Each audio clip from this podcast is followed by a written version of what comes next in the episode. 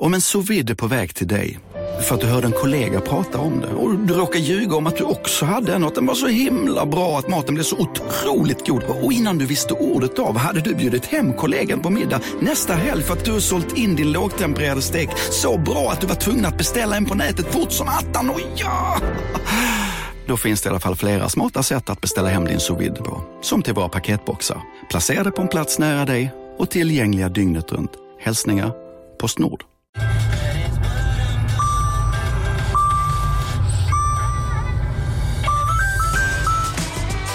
Dags att fylla på tanken. Stanna på Circle K så får du 50 öre rabatt per liter på dina tre första tankningar när du blir medlem. Vi ses på Circle K i sommar.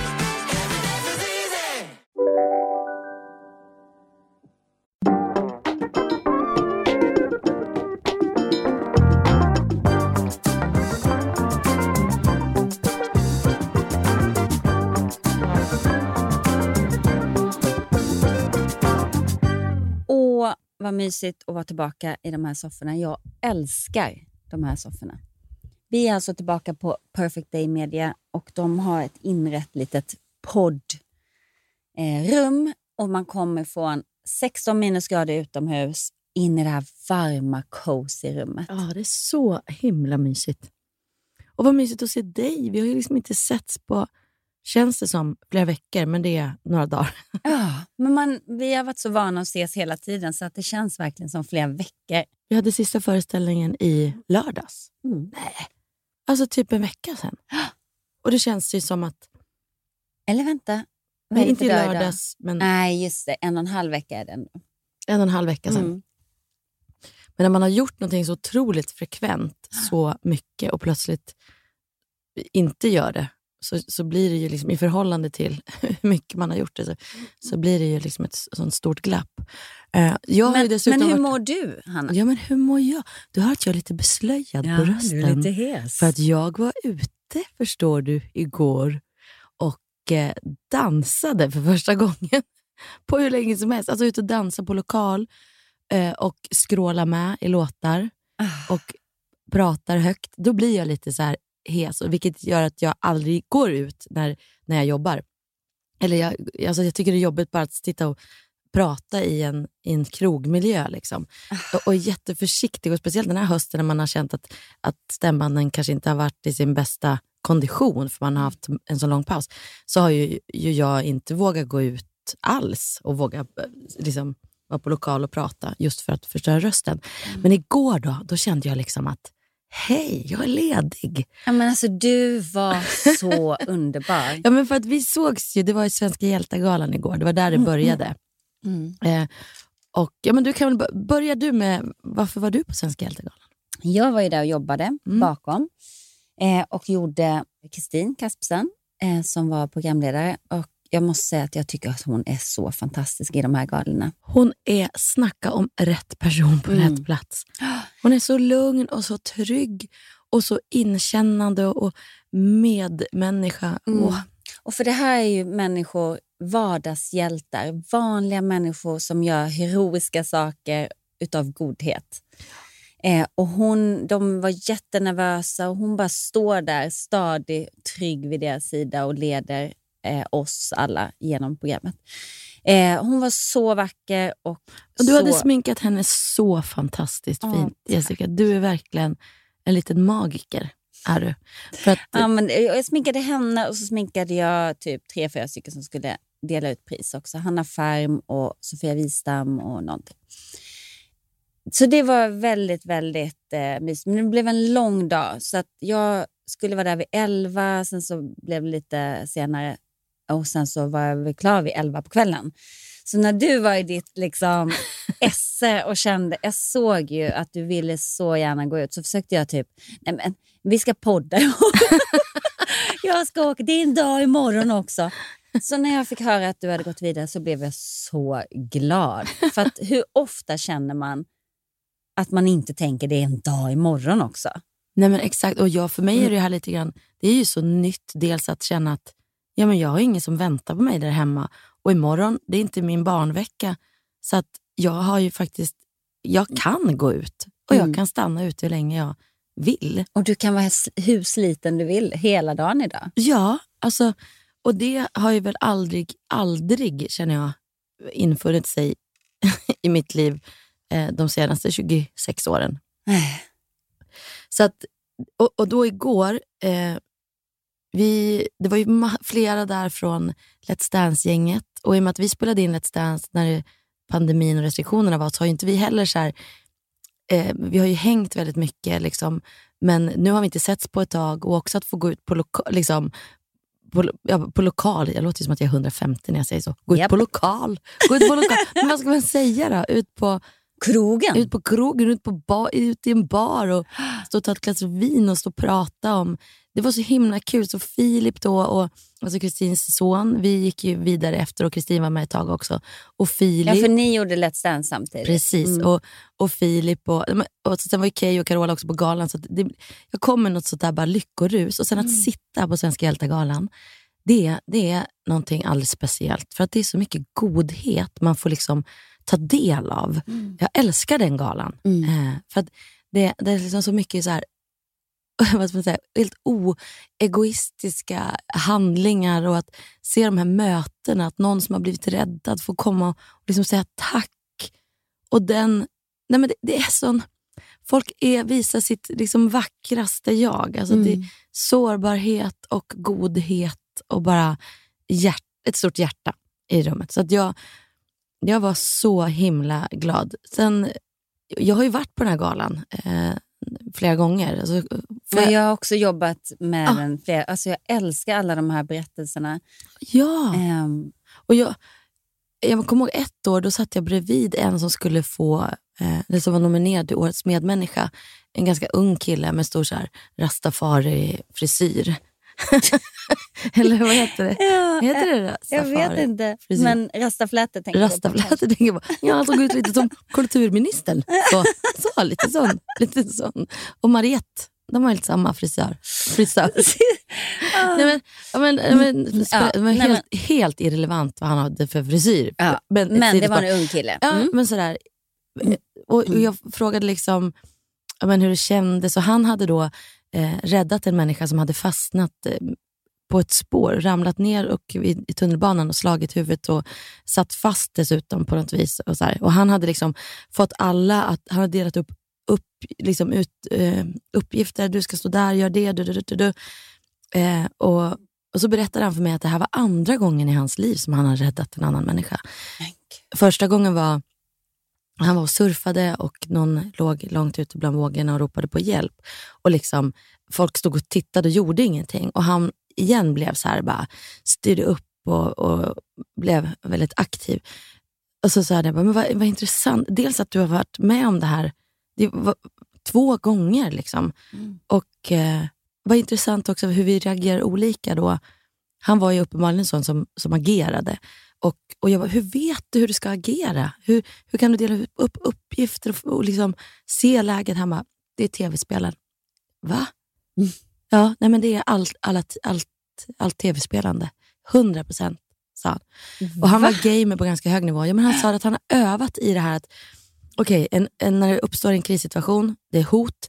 Hur eliminerar jag hoten, riskerna?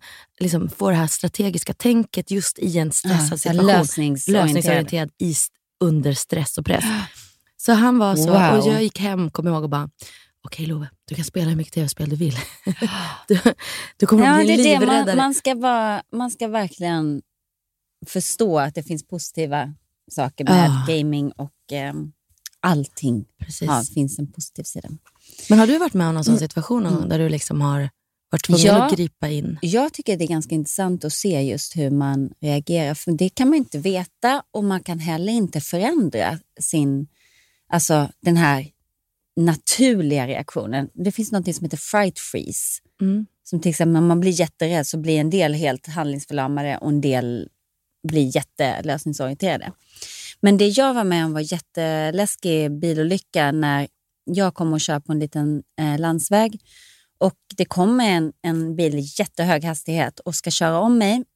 Och precis när han är vid sidan om mig så kommer en mötande bil. Så att han måste tvärbromsa och för att gå tillbaka bakom mig. Men då när han tvärbromsar så hastigt så får han sladd på bilen. Så först snurrar han runt, eh, liksom rätt sida upp och sen så voltar han.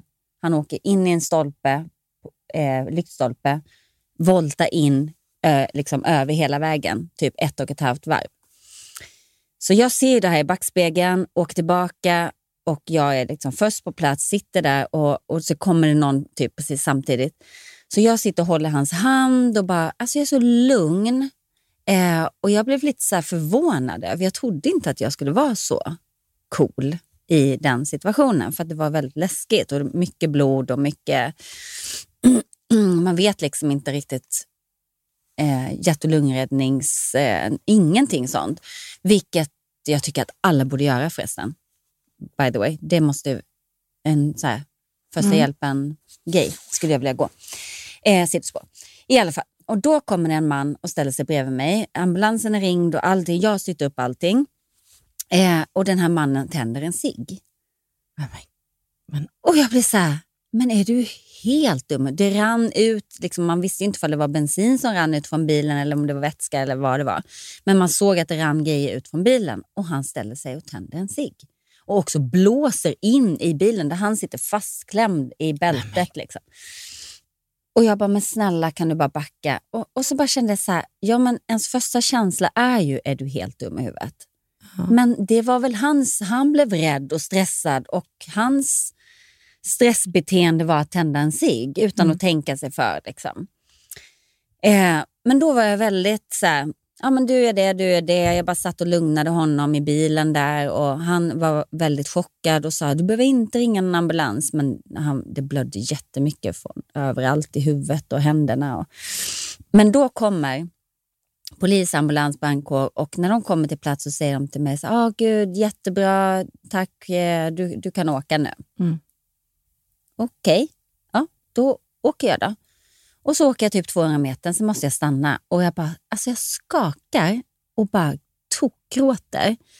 Då kom min liksom så efter mm. vad jag varit med om. Liksom. Och sen blev jag lite så arg och besviken över hur de bara, ja du kan åka nu. Kunde de inte tagit mitt nummer? Kunde de inte säga hur det gick för honom? Hade de inte kunnat nominera dig till Svensk hjälte? Exakt! Nej, men jag tycker Nej, att det... Och, och, samtidigt så det kanske är sekretess. Jag kanske inte har rätt att få reda på det. Men då kanske de kunde gett mitt nummer till den här mannen då. Mm. Så får väl han välja själv om han vill säga tack och, och, och bara säga jag lever. Mm. Jag vet fortfarande inte än idag om den här personen lever. Och det var en ganska obehaglig känsla. Ja att se någon så skadad och inte veta hur det gick. Ja, det kan ju skapa jättemycket trauman och sätta mm. igång massa saker i, i dig såklart också. Att, va, jag vet Men, inte hur jag skulle reagera. Jag har aldrig varit med i en sån situation. Jag har varit med där det liksom har hänt grejer och jag känner att jag blir inte den där tysta utan jag blir ganska sådär... Lösningsorienterad. Ja, och ser, ah. liksom, men bara som nu senast då när du svimmade. Eh, så, så, var det lite, så kände, blir jag liksom att ah, ta bort de som blir för rädda. Och liksom, vet du vad? Mm. Så här, du, du gör det, du gör det. Mm. Lite så. Och sen la jag dig liksom i, i, i framåt supersidoläge. Och sen, sen, när det kom någon som kunde, då bara, nej fötterna ska vara upp. Så jag hade gjort helt fel. Fast det kände är, jag. Ja, kände du. För det är faktiskt inte helt fel. Eh, man ska lägga i framstupa sidläge för att göra andningsfria, eh, för att inte tungan ska åka ner och allt möjligt vad det är. Så att du gjorde faktiskt helt rätt. Men om det då kanske hade kommit fram att jag har lågt blodtryck och att det var därför jag hade svimmat, mm. då ska ju benen upp. Men i, i första läget så gjorde du helt rätt. Mm, faktiskt, så det, det behöver du inte känna. Men jag, har ju, jag är ju lite um, olyckskorp. Det sa alltid min pappa till mig. Du är mm. en otursfågel. Nej, vad säger man? San. Ja, säger man inte olyckskorp? Ja, din lilla otursfågel. Han sa det på lilla... ett gulligt sätt. Men ändå, det så, så. Din lilla, jo, men för jag slog mig alltid, ramlade alltid. Alltså det var... Uh. Åh, din lilla otursfågel. Alltså, men det låt, nu låter det som att det var något elakt han sa, men jag tog det inte så. Utan det mm. var något gulligt som han var så åh stackars dig, du har sån otur och slår dig, lilla gumman. Typ så. Eh, jag har ingen aning vad jag Jag var helt vild. Jag kom, mamma och mm. pappa berättade att de på så sexårskontrollen ville verkligen fråga hur mamma och pappa var.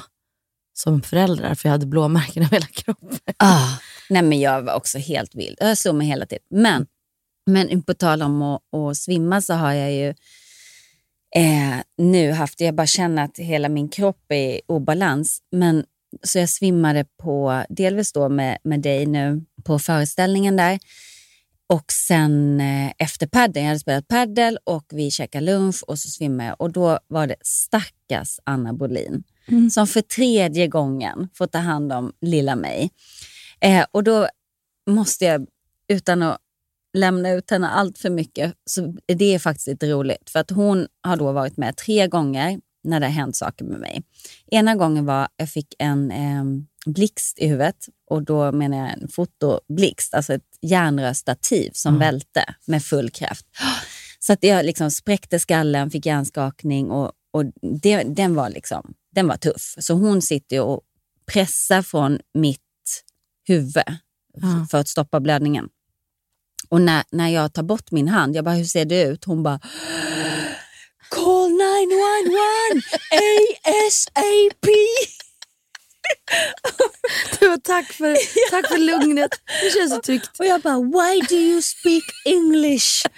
Eh, och då skulle hon liksom inte visa mig att, att det, det såg inte bra ut. Liksom. Eh, så att, ja, men fina, fina Anna. Hon såg också till att de gjorde eh, så här, skiktröntgen så att jag inte skulle få någon liksom, inre blödning och att de kollade upp allting. Så att, eh, all cred till henne, men, men det, det var ena gången. Andra gången så är det på padelbanan, hon och jag spelar och jag tjongar racket och spräcker brynet.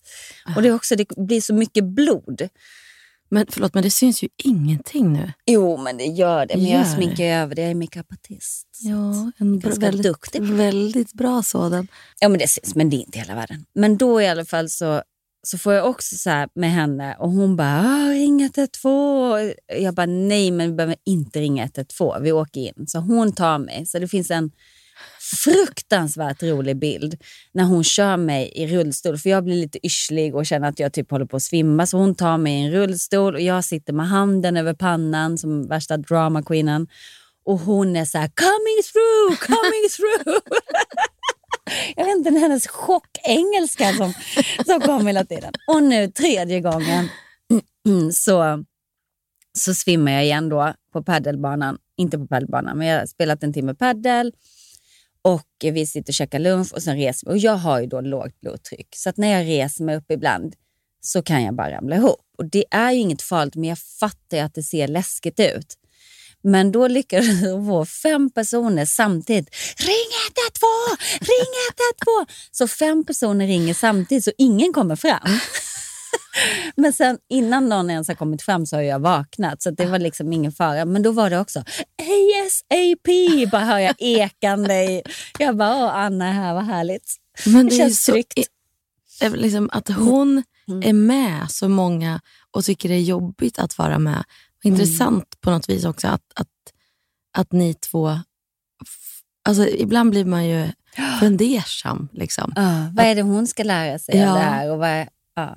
Och du, ja. Men du, jag blir ändå lite orolig. Har du svimmat alltså två gånger till? Och, och vet du vad det beror på? Eller Ja, men, liksom- men jag känner ju att hela min kropp är i obalans. Vi pratade väl om det förra veckan, att jag hade börjat käka östrogen. mm. Ja, Mm. Och Det var ju som natt och dag. Helt plötsligt fick jag sova och jag mådde så mycket bättre. Jag, var inte, jag kände mig... Ja, det kändes så bra. Men så plötsligt började jag storblöda. Alltså jag blödde så mycket som jag aldrig har gjort tidigare. Så jag kände att det här är någonting som inte stämmer. Så då ringde jag fick jag tag i någon, min gynekolog.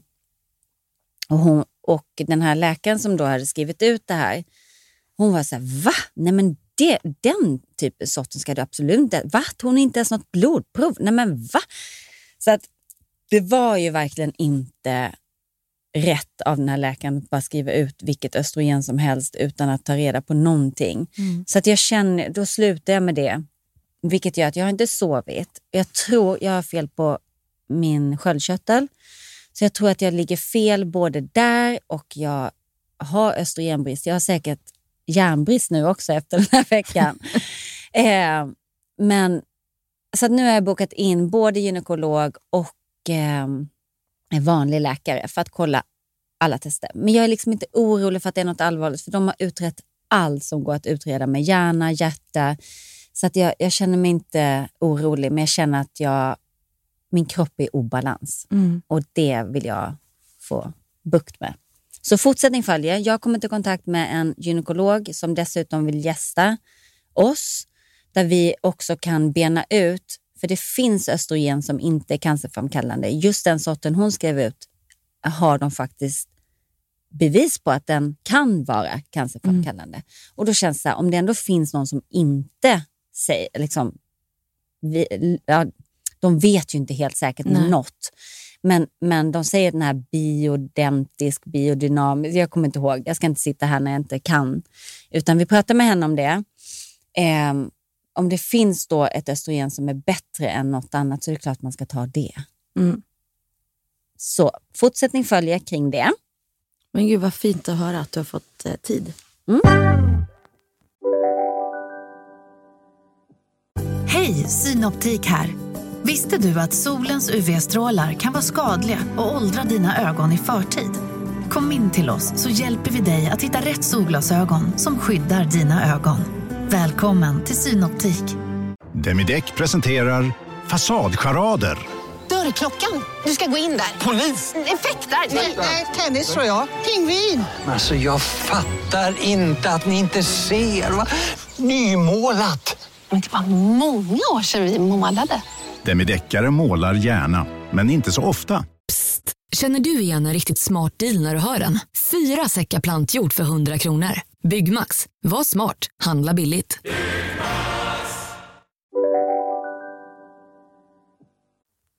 Som vi säger varje gång, alltså alla som lyssnar på oss här är väl eh, mer eller mindre eh, in, intresserade av att titta inåt och göra en inre resa, tänker jag. Vi, vi vill ju liksom... Uppmuntra till det. Ja, men precis. Och därför blir man så glad när ni öppnar upp er och, och eh, skickar eh, meddelanden. Och vi läser ju inte upp någonting om, man inte, om ni inte vill. Nej. Men jag tänker att... Så eh, skriv gärna Mm, om, om ni absolut inte vill det. ja, Eh, men vi frågar såklart alltid också. Men här har vi fått eh, en som jag skulle vilja läsa upp och som vi kan prata kring, eh, tänker jag.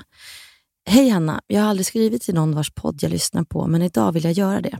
Har lyssnat på dig och Lina. Eh, poddar ni fortfarande?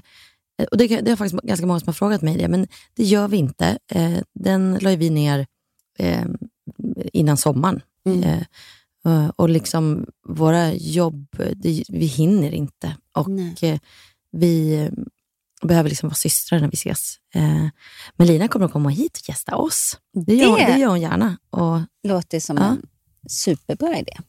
eh, så svar, där fick du svar på den. Men nu lyssnar jag på dig och Jessica. Ni pratar om skilsmässor och jag kände att jag vill lägga till en aspekt eftersom det du sa verkligen berörde mig. Du sa att en del lägger sig i och säger, men har ni verkligen försökt? Och du sa, men självklart har vi det, vi har ju barn tillsammans. Och att alla som har barn som ska separera tänker väl igenom det innan. Väldigt klokt och så borde det vara, men då glömmer man bort att en del separationer går till på andra sätt. I mitt fall, landets märkligaste skilsmässa som jag ser det, så ljög min man för oss alla. Mig, barnen, våra familjer och vänner. Han var färdig med familjelivet sa han och tog en väska och försvann till sin 18 år yngre kollega. Så det är inte självklart att alla pratat och tänkt igenom det för barnens skull. Ville bara lägga till detta. Också en aspekt. Självklart förstår jag hur du menade, men jag blev berörd just därför att jag upplevt något annat. Tack för att ni delar med er i podden om både glädje och sorg. Ni är härliga, bjuder på er själva, både här och shower. Ni bjuder också på mycket skratt och med er i öronen blir mina promenader ännu bättre. Kram. Jag jag är så glad att, att hon skrev. Och jag svarade så här. Förstår precis vad du menar och har flera liknande exempel som din historia i min omgivning. Oftast är det männen som är inom citationstecken klara med familjelivet. Jag pratar gärna om, om det du berättar i nästa podd, om Okej. Jag nämner inga namn. När en i förhållandet inte vill finns det ju inget mer man kan göra och på det sättet har ju du också gjort allt du kan. Jag menade att frågan, har ni verkligen gjort allt, kan få en att känna skuld och tänka att man borde eller kunde gjort mer. Men i ditt fall eh, kan man ju inte försöka mer när en vill lämna. Och helt ärligt, en man som gör så är inte värd dig.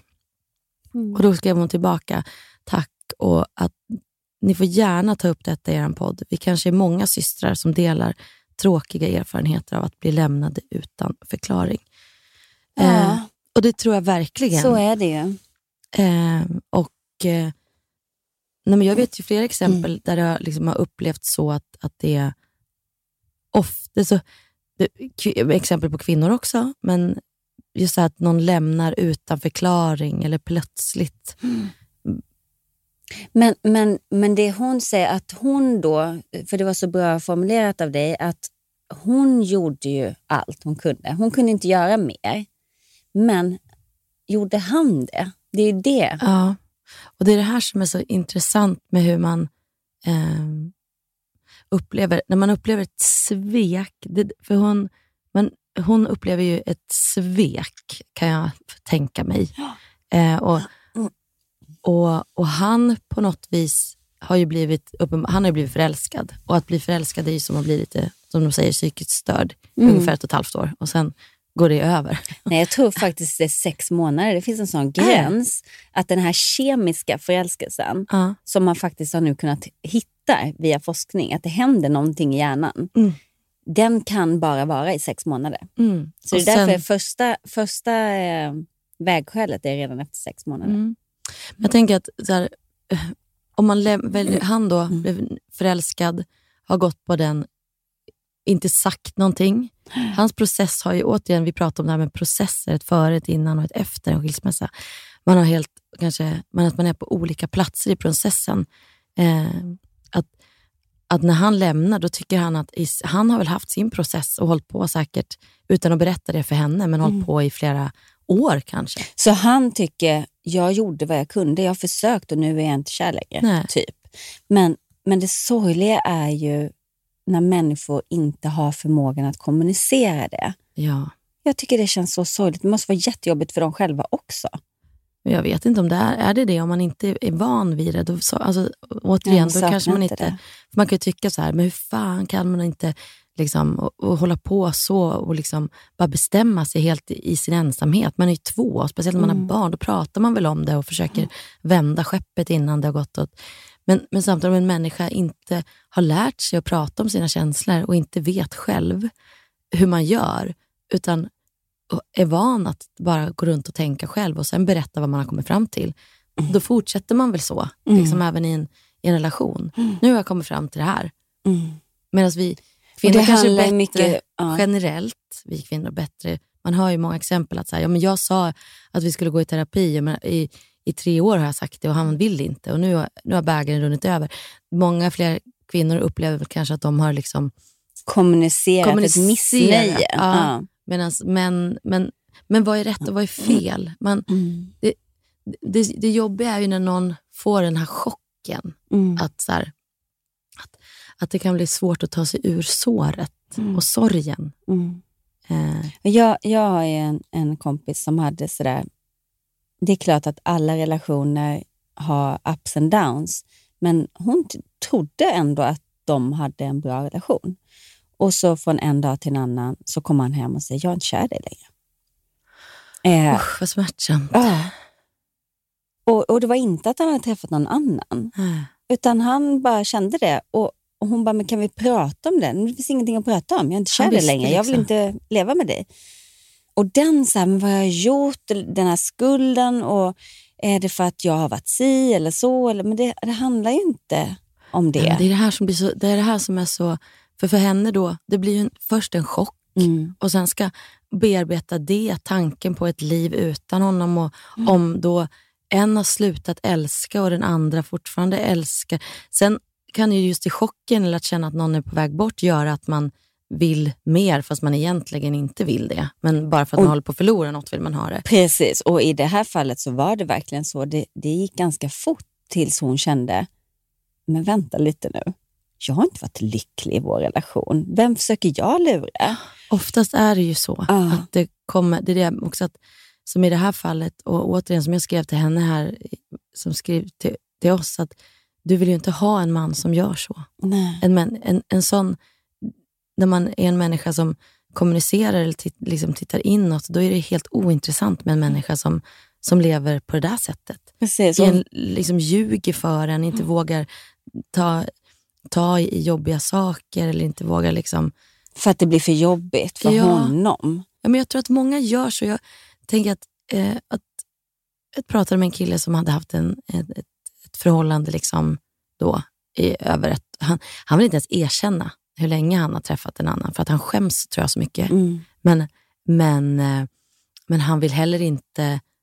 Och då, det, det man kunde läsa mellan rader, eller det, eh, det är liksom den där känslan av att han tror att han skyddar henne, men han skyddar bara sig själv från eh, att känna skuld om han gör henne ledsen. Mm. Det är inte, hon blir ju ledsen i vilket fall.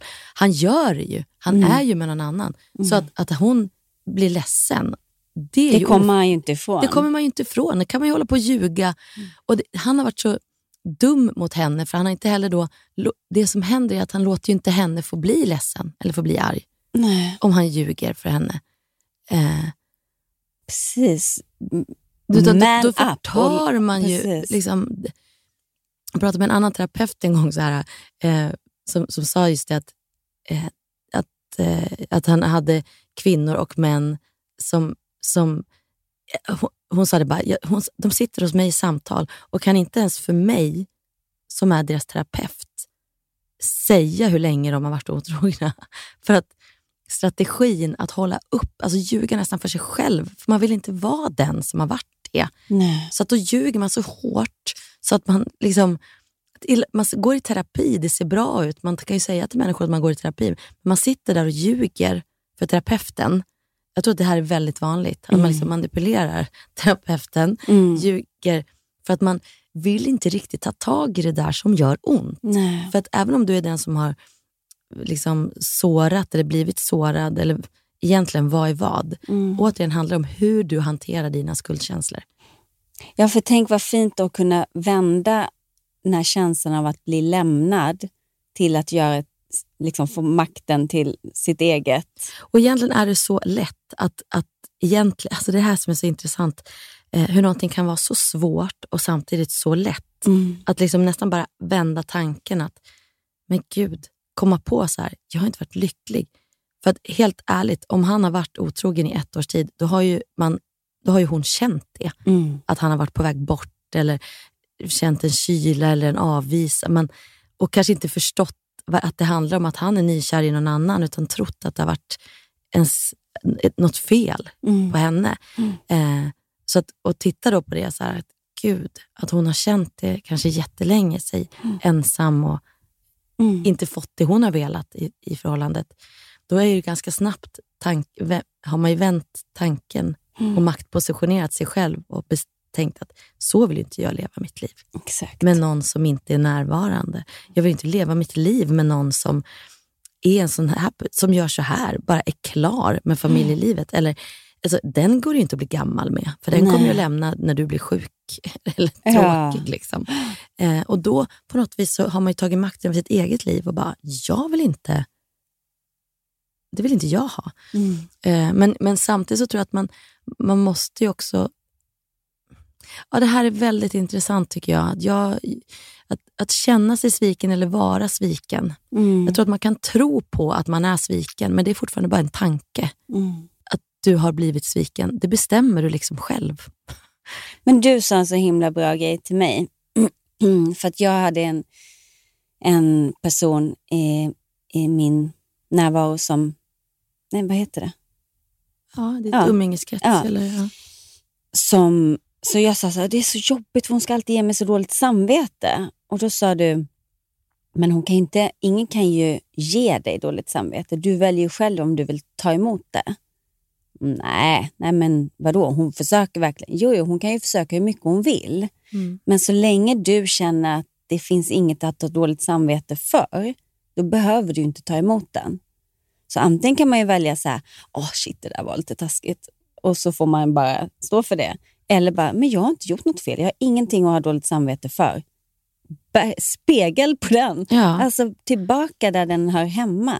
Men samtidigt tänker jag att den här mannen som, som, som har varit otrogen i ett år kanske också känner det. Jag har inte gjort något fel. Nej. Jag har, inte gjort, jag har gjort följt mitt hjärta. Jag blev förälskad. Mm. Jag stannade kvar för att vi har barn.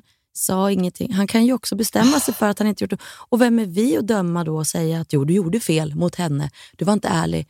Men han kanske var så ärlig han kunde. Alltså, Mm. Man är så snabb att döma och bestämma. Men om alla ändå tar ansvar för sina känslor Mm. eh, och liksom kan vara tydlig med vad man behöver. Till exempel, ja men allt. Eh, vissa vill ha ärlighet, andra vill inte ha ärlighet. Vissa vill ha, Finns det någon som inte vill ha ärlighet? det, det tror jag om ärligheten sårar, Ja. tror jag att vissa inte vill veta Ja, det är sant. saker och ting. Eller säg bara till mig det, det positiva, Mm. inte det negativa du upplever. Eller, och vad är ärlighet? Alltså, det är det där, hur ska man... Ja, och, och det måste jag säga, det, sådana finns ganska många som bara vill höra, bara vill bli strykna medhårs. Ja, men Men om gud, det är ja. någonting, jag älskar ju att få också. konstruktiv kritik. Eller så här, Att bli lite utmanad i mitt Ja. tankesätt älskar hur jag. tänkte du där Ja. och varför gjorde du så? Eller som när du sa, men du väljer ju själv om du vill ta emot det. Och Det Ja. kan vara provocerande tror jag, för många att höra det. Vadå? Nej. Men det är skönare på ett sätt att vara ett offer. Att, nej, det är den som har gjort så mot mig. Fy Mm. fan, den jäveln. Så bara, ja, men ja, han gjorde så. Mm. Punkt. Och Exakt. Det hände. Va, vad ska man göra åt det då? Sen är det, Nej. hur, hur ska jag Hur ska jag deala med hantera det? mina känslor? Och också, som vi har pratat om mycket, att det måste få vara okej att vara arg och ledsen och vara i sorgen. Åh, det är vad inte viktigt. det det handlar om. nej. Det handlar ju om att få vara det, men att inte stanna kvar där. Och det är det jag menar. Om, om du sitter där ute också och, och tänker att du ska vara snäll och därför inte vill då, inom citationstecken, såra inte göra ont, så berövar du ju den andra människan också på att få känna sorgen och smärtan. Mm. För att, att, att liksom älska någon och inte bli älskad tillbaka, eller att sluta älska, eller att skaffa barn och sen separera, det är en sorg. Mm. Att, att, liksom att beröva varandra på den sorgen och smärtan är inte heller rätt. Nej. Det är väl bättre att gråta, som man gör alltså när man förlorar någon, alltså en sorg som, som liksom går att ta på, eller som är tillåten. Vi Mm. förlorar en person till andra sidan. Då har vi rätt att vara ledsen. Den sorgen kan vi prata om och då får man gråta. Man får, I vissa kulturer så har man gråterskor till och med för att man ska gråta ut det, sorgen. Och liksom. Sen kommer stadiet och glädje. och så här. Men en skilsmässa eller vilken sorg som än väcks till liv i oss måste, liksom få, få, måste ju få blomma ut för att liksom den dansen och lyckan ska komma. Om man bara trycker ner allting eh, och, och lögner och hemligheter och, uh, för att skydda sig, alltså då, till slut exploderar det. Mm. Till slut så, Men jag har hört också att, att tårar är superviktigt. Ja. Att man gråter med tårar. För det finns någonting förlösande i det. Det händer någonting när det kommer tårar. Och framförallt människor som har gått, eh, blivit utbrända, Mm. Som inte kan gråta, tar, tar mycket längre tid innan de kommer tillbaka. För de håller massa känslor Mm. inom sig. Gråten, tårarna i sig förlöser känslor, ja, har jag läst någonstans. Men det tycker jag låter väldigt sant. För mig känns det sant. Det jag så. Jag också eh, gick till en fantastisk terapeut för länge sedan. Som, för jag hittade liksom en röd tråd genom alla mina förhållanden där jag insåg att jag ofta gjorde mig själv till lite offer. Men framför allt så eh, förminskade jag mig själv och sa gärna liksom, ah, nej men du kommer ju aldrig vilja vara med mig och nej men jag är ju så si och jag är så. Och sa jag bara en massa negativa saker om mig själv. Och tills jag insåg att det sa ju jag för att jag behövde höra, nej du är jättebra, du är jättefantastisk. Och att komma till den insikten och erkänna det för sig själv var rätt liksom, sorgligt. Och för det kändes lite skämmigt att vara så här, åh jag är så ful, nej du är jättefin. Om vi ska, liksom, nu handlar det om andra grejer än, än utseende, men, men just att, att jag insåg att jag, nej men det här förhållandet kommer aldrig att funka. Du Eller? skyddade dig själv för lite... Precis, och, så, och då fick jag höra, det är klart vi ska fixa det här, du och jag, vi är meant to be, det här är bra.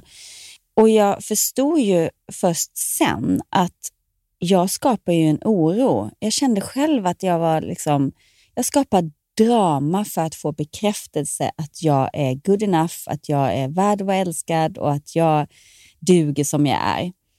Och det fick man ju inte alltid.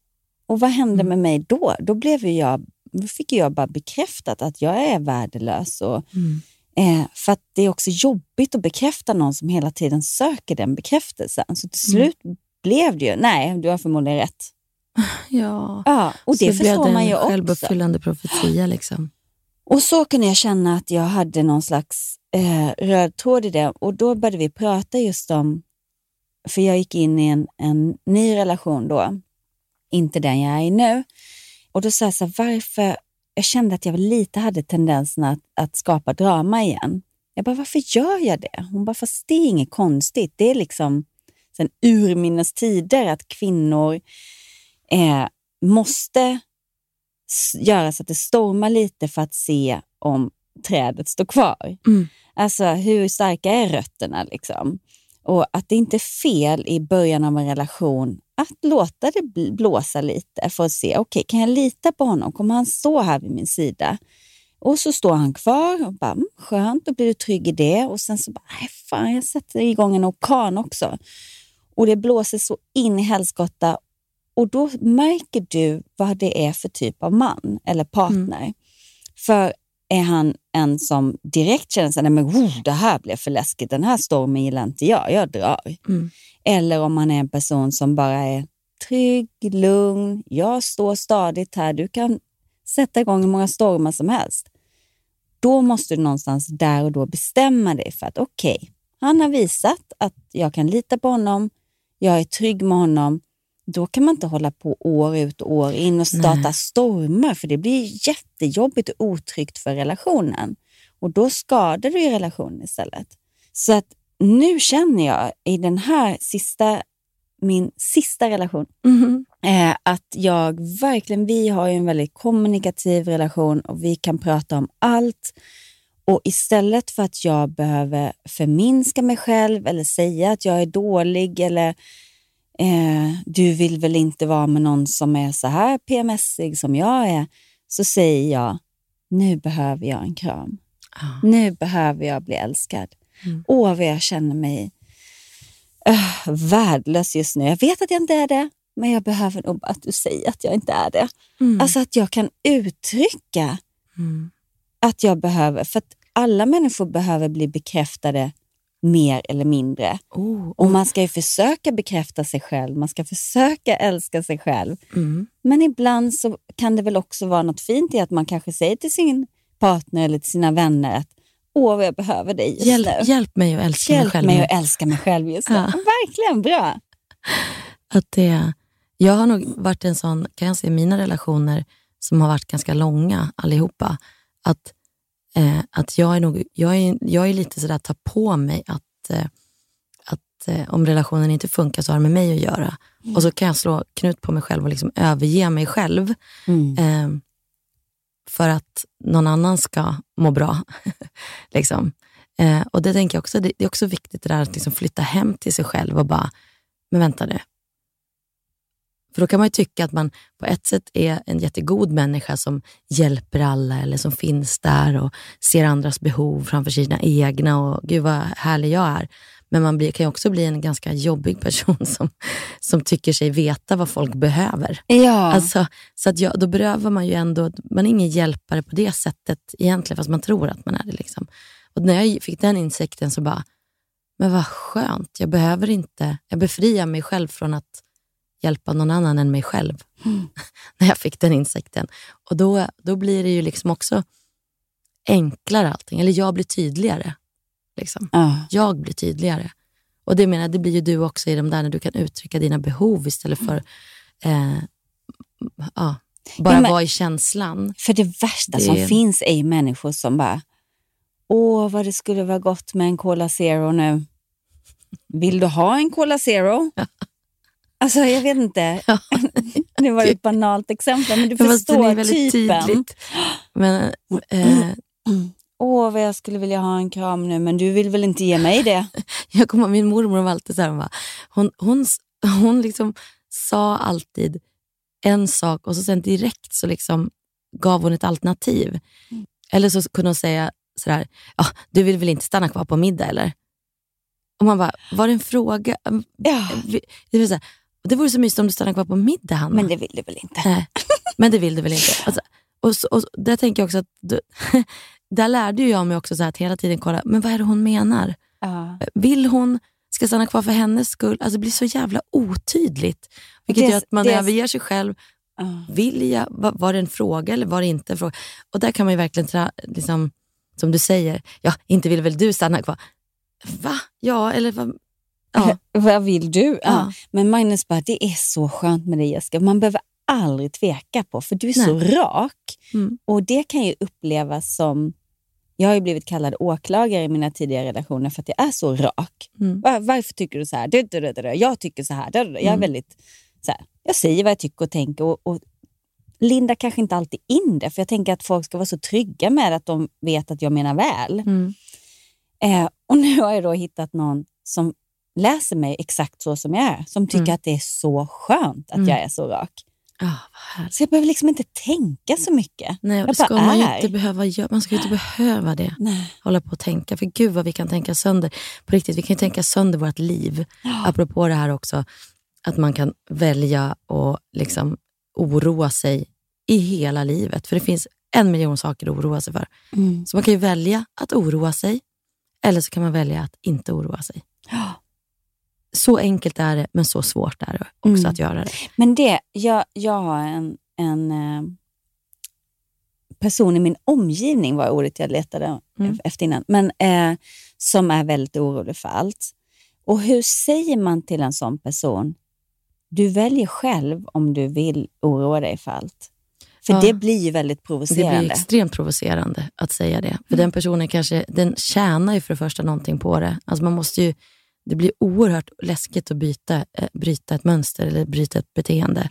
Man måste ju komma i kontakt med en enorm sårbarhet för att klara det Mm. till att börja med. Så det är ju superrespekt och supermodigt för de som, som bestämmer sig att bara så här, nej, nu vill jag, så här ska jag inte hålla. Nu ska inte min och kanske måste den människan komma till en sån punkt själv, tänker jag, att den har oroat sönder sig själv. Så att den har blivit utbränd eller utmattad eller Mm. hamnat i en kris av något slag som gör att den så här känner att nu, nu måste jag ändra mitt sätt att tänka. För det här går inte längre. Mm. Eh, för jag tänker, och det menar jag, man har den där tendensen att säga till folk, det, den är nog inte mogen att höra det. Nej. Det blir bara, det blir bara ett, en kritik Mm. då, tror jag, att den upplever. Och så, och jag tänker, den, när jag var en Så då ska när jag man backa? på så, jag tror att det är viktigt att snarare lyssna och säga att den har rätt, för den har 100% rätt till, till det. Man kan fråga liksom, hur det känns och hur den skulle önska att det var, men liksom att säga att du borde nog bara sluta oroa dig. Det, är Nej, som, det går inte. det går ju verkligen inte. Jag, tänker att Mm. jag har ju på allvarligt liksom trott att oron gör att jag kan leva. Mm. Tills det en dag kändes precis tvärtom.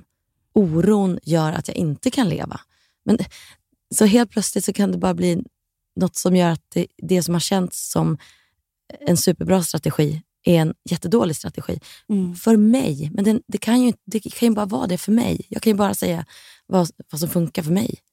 Sen kan man ju bli inspirerad och jag tänker att man har vänner som man vågar blotta sina fulaste sidor eller så här, det man skäms över.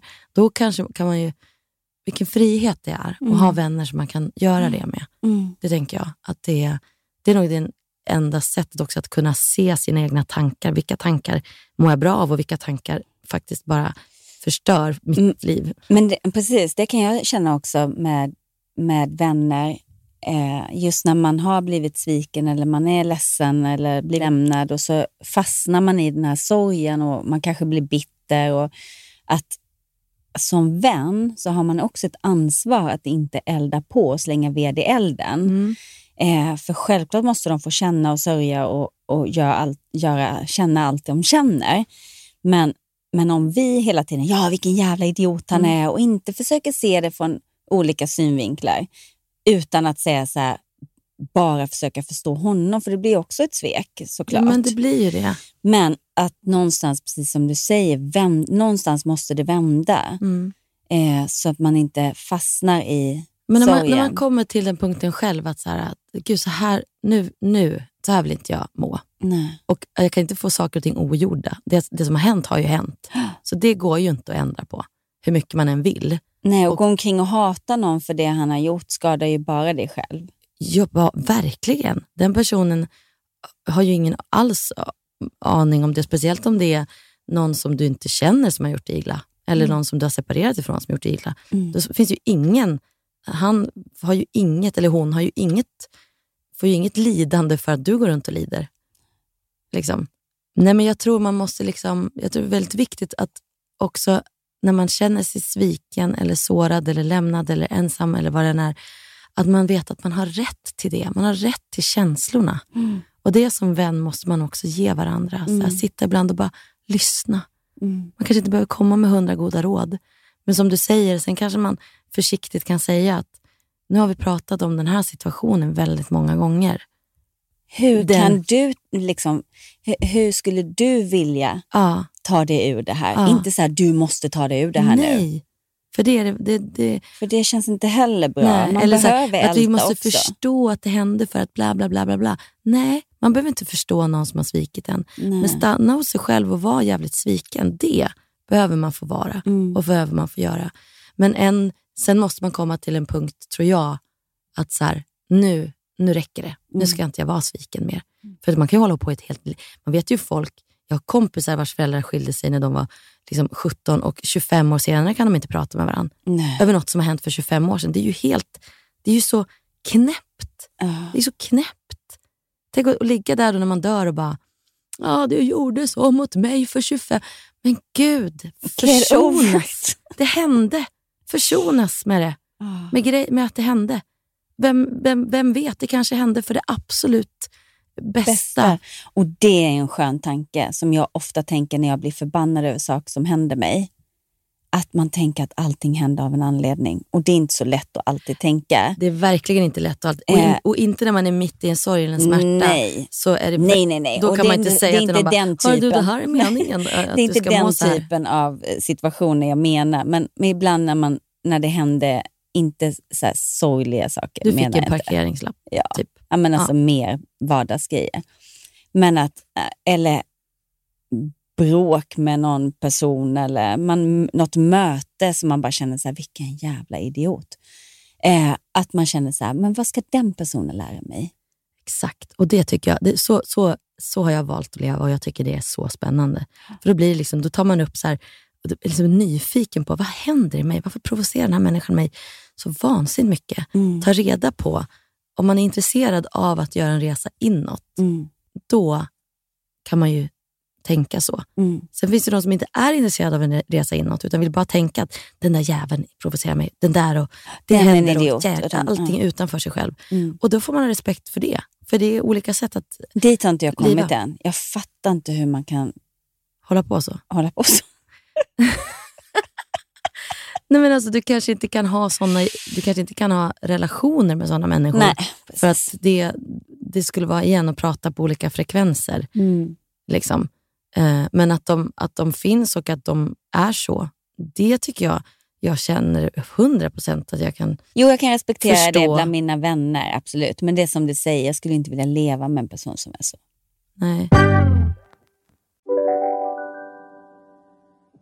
Ni har väl inte missat att alla takeaway förpackningar ni slänger på rätt ställe ger fina deals i McDonalds app. Även om skräpet kommer från andra snabbmatsrestauranger. Exempelvis... Åh, sorry. Kom, kom åt något här. Exempelvis... Förlåt, det är något skit här. Andra snabbmatsrestauranger som... Vi, vi provar en talning till. La, la, la, la, la.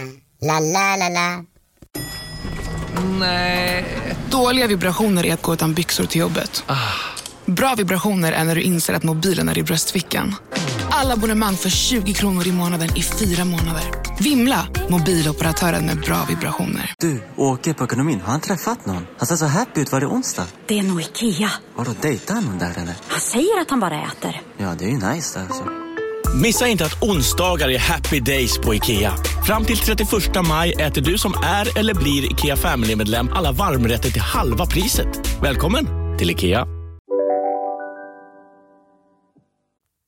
Jag känner att jag måste vara lite ärlig med dig nu Jessica. Jag kan ha gjort någonting igår på min utekväll som kan Jag göra dig lite avundsjuk. nervös. Att jag blir avundsjuk? Ja, Okej, berätta. det kan vara så. Nämligen. Du vet att jag har ju också börjat titta på Bachelorette eftersom att du pratade om programmet sista. Så jag har plöjt. Och Julia är ju helt eh, underbar i programmet. Och igår kväll, i natt, i morse, så har jag stått på dansgolv med Julia och hennes mamma som var med på Svenska hjältegalan. Så vi har ju varit ute och dansat. Vi var ju flera stycken, men bland annat, bland annat Julia. Och jag vill bara säga till dig Jessica att eh, ingen behöver titta på finalen av Bachelor den 16 december.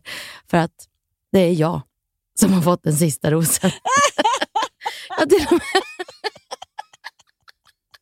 jag har till och med fått den sista buketten. Vänta här, nu ska du få höra.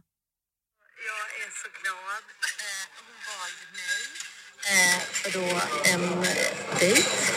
Jag har ju längtat efter det här. Eh, nu är vi på dejt alltså. Och det här är alltså dejten med dig och, ja, Julias mamma, Marie. Ja, Bachelorette-mamman är här också. Ja, men Michelle är också här. Vi är ju två på den här dejten. Precis, vi var två och sen gick det då så här. Nu ska vi se. som får buketten. Jag vet inte. Okej, vi får bara fråga. Vem får buketten? Eh, jag tycker om er båda väldigt mycket. Det gör jag verkligen. Ni har berört mig hjärtat, båda två. Men den sista buketten, den absolut sista buketten,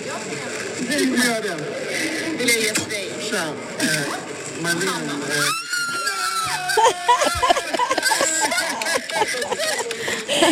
Alltså det är underbart. Fatta.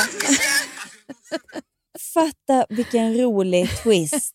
Hanna Hedlund kommer in som en joker i Bachelorette och omvänder Julia så hon blir lesbisk och gifter sig med han. Alltså, nej alltså, det kan inte bli det, bättre. Jag tänkte precis, så det är, nej. Och det, det, det slog det mig också så här att, nu kanske man har frågat Bachelorette såklart om hon är superhetero och verkligen vet att hon är hetero. Men att det, att det finns ett Bachelor eller Bachelorette som är där det både är där man båda könen. bi. Borde väl vara en idé Nästa. och modern. Verkligen. Men, men jag försökte, skämt åsido, jag försökte få Julia att avslöja om hon nu träffar någon. Har hon, alltså, och hon bara, jag får inte säga något Nej. eh, förrän eh, programmet har All heder Men hon till sa, Julia. jag längtar till 16 december. när jag kan få vara eh, mig själv, 100%. Ja, och då kan ju det vara, jag längtar för att då kan jag visa min kärlek. Eller jag Precis. längtar, då kan jag ligga med vem Då jag vill jag på ligga med vem Exakt, exakt. Då kan hon, då kan hon eh, be, bejaka kärleken till mig. Exakt, 100%. det är och så det kan hon du, efter. jag, Magnus och Julia åka på lite par. Barresor och middag. Alltså. Nej, men jag var, det var Ja, så li- kul kväll i alla fall. lite, lite avundsjuk faktiskt. Men, Du skulle men, ha följt eh, med, det är det jag säger. Jag vill bara säga att Julia likade en bild på min Instagram, så att vi är också like this. Mm, det är bra att hon tycker om mina vänner, det känns viktigt. Ja, för jag vill vara tärna, eftersom du är tärna på mitt bröllop vill jag vara tärna på ert. Ja, men det var så himla roligt Kan du också fråga se- Julia det? Ja, det ska jag göra. Absolut. Vi, vi, vi får väl höras där efter 16 december. men, men det som var så roligt var ju också att hennes mamma var med till fyra i natt. Alltså hur vi har stått och dansat och scrollat. Jag blir så glad. Hon eh, kommer ju från eh, Lerum och bor väl där fortfarande. Och liksom är, jag menar, det var så kul. Hon var uppe i Stockholm första gången på en gala och bara eh, ganska mycket äldre än, än oss ändå. Och eh, bara hänga med ut. Jag bara kände så här, så där vill jag också. Så ska jag, jag ska aldrig bli för gammal för att liksom, eh, gå ut och dansa till klockan fyra på morgonen. Det lovar jag mig själv. Hon var så inspirerad. Jag blev så peppad av Julias mamma och kände att så ska jag leva. Och jag ska bli lite bättre på att säga ja till Jag tycker du kvällar. är jättebra på att säga ja. Jag tycker alltid att jag går hem. Nej. Är trött. Nej, det är din bild av dig. Ja. Jag tycker inte att du är det. Tack älskling. Puss och kram. Nu måste du gå. Ja, det måste jag. Nu ska jag till frisören. Puss, puss. Hej då.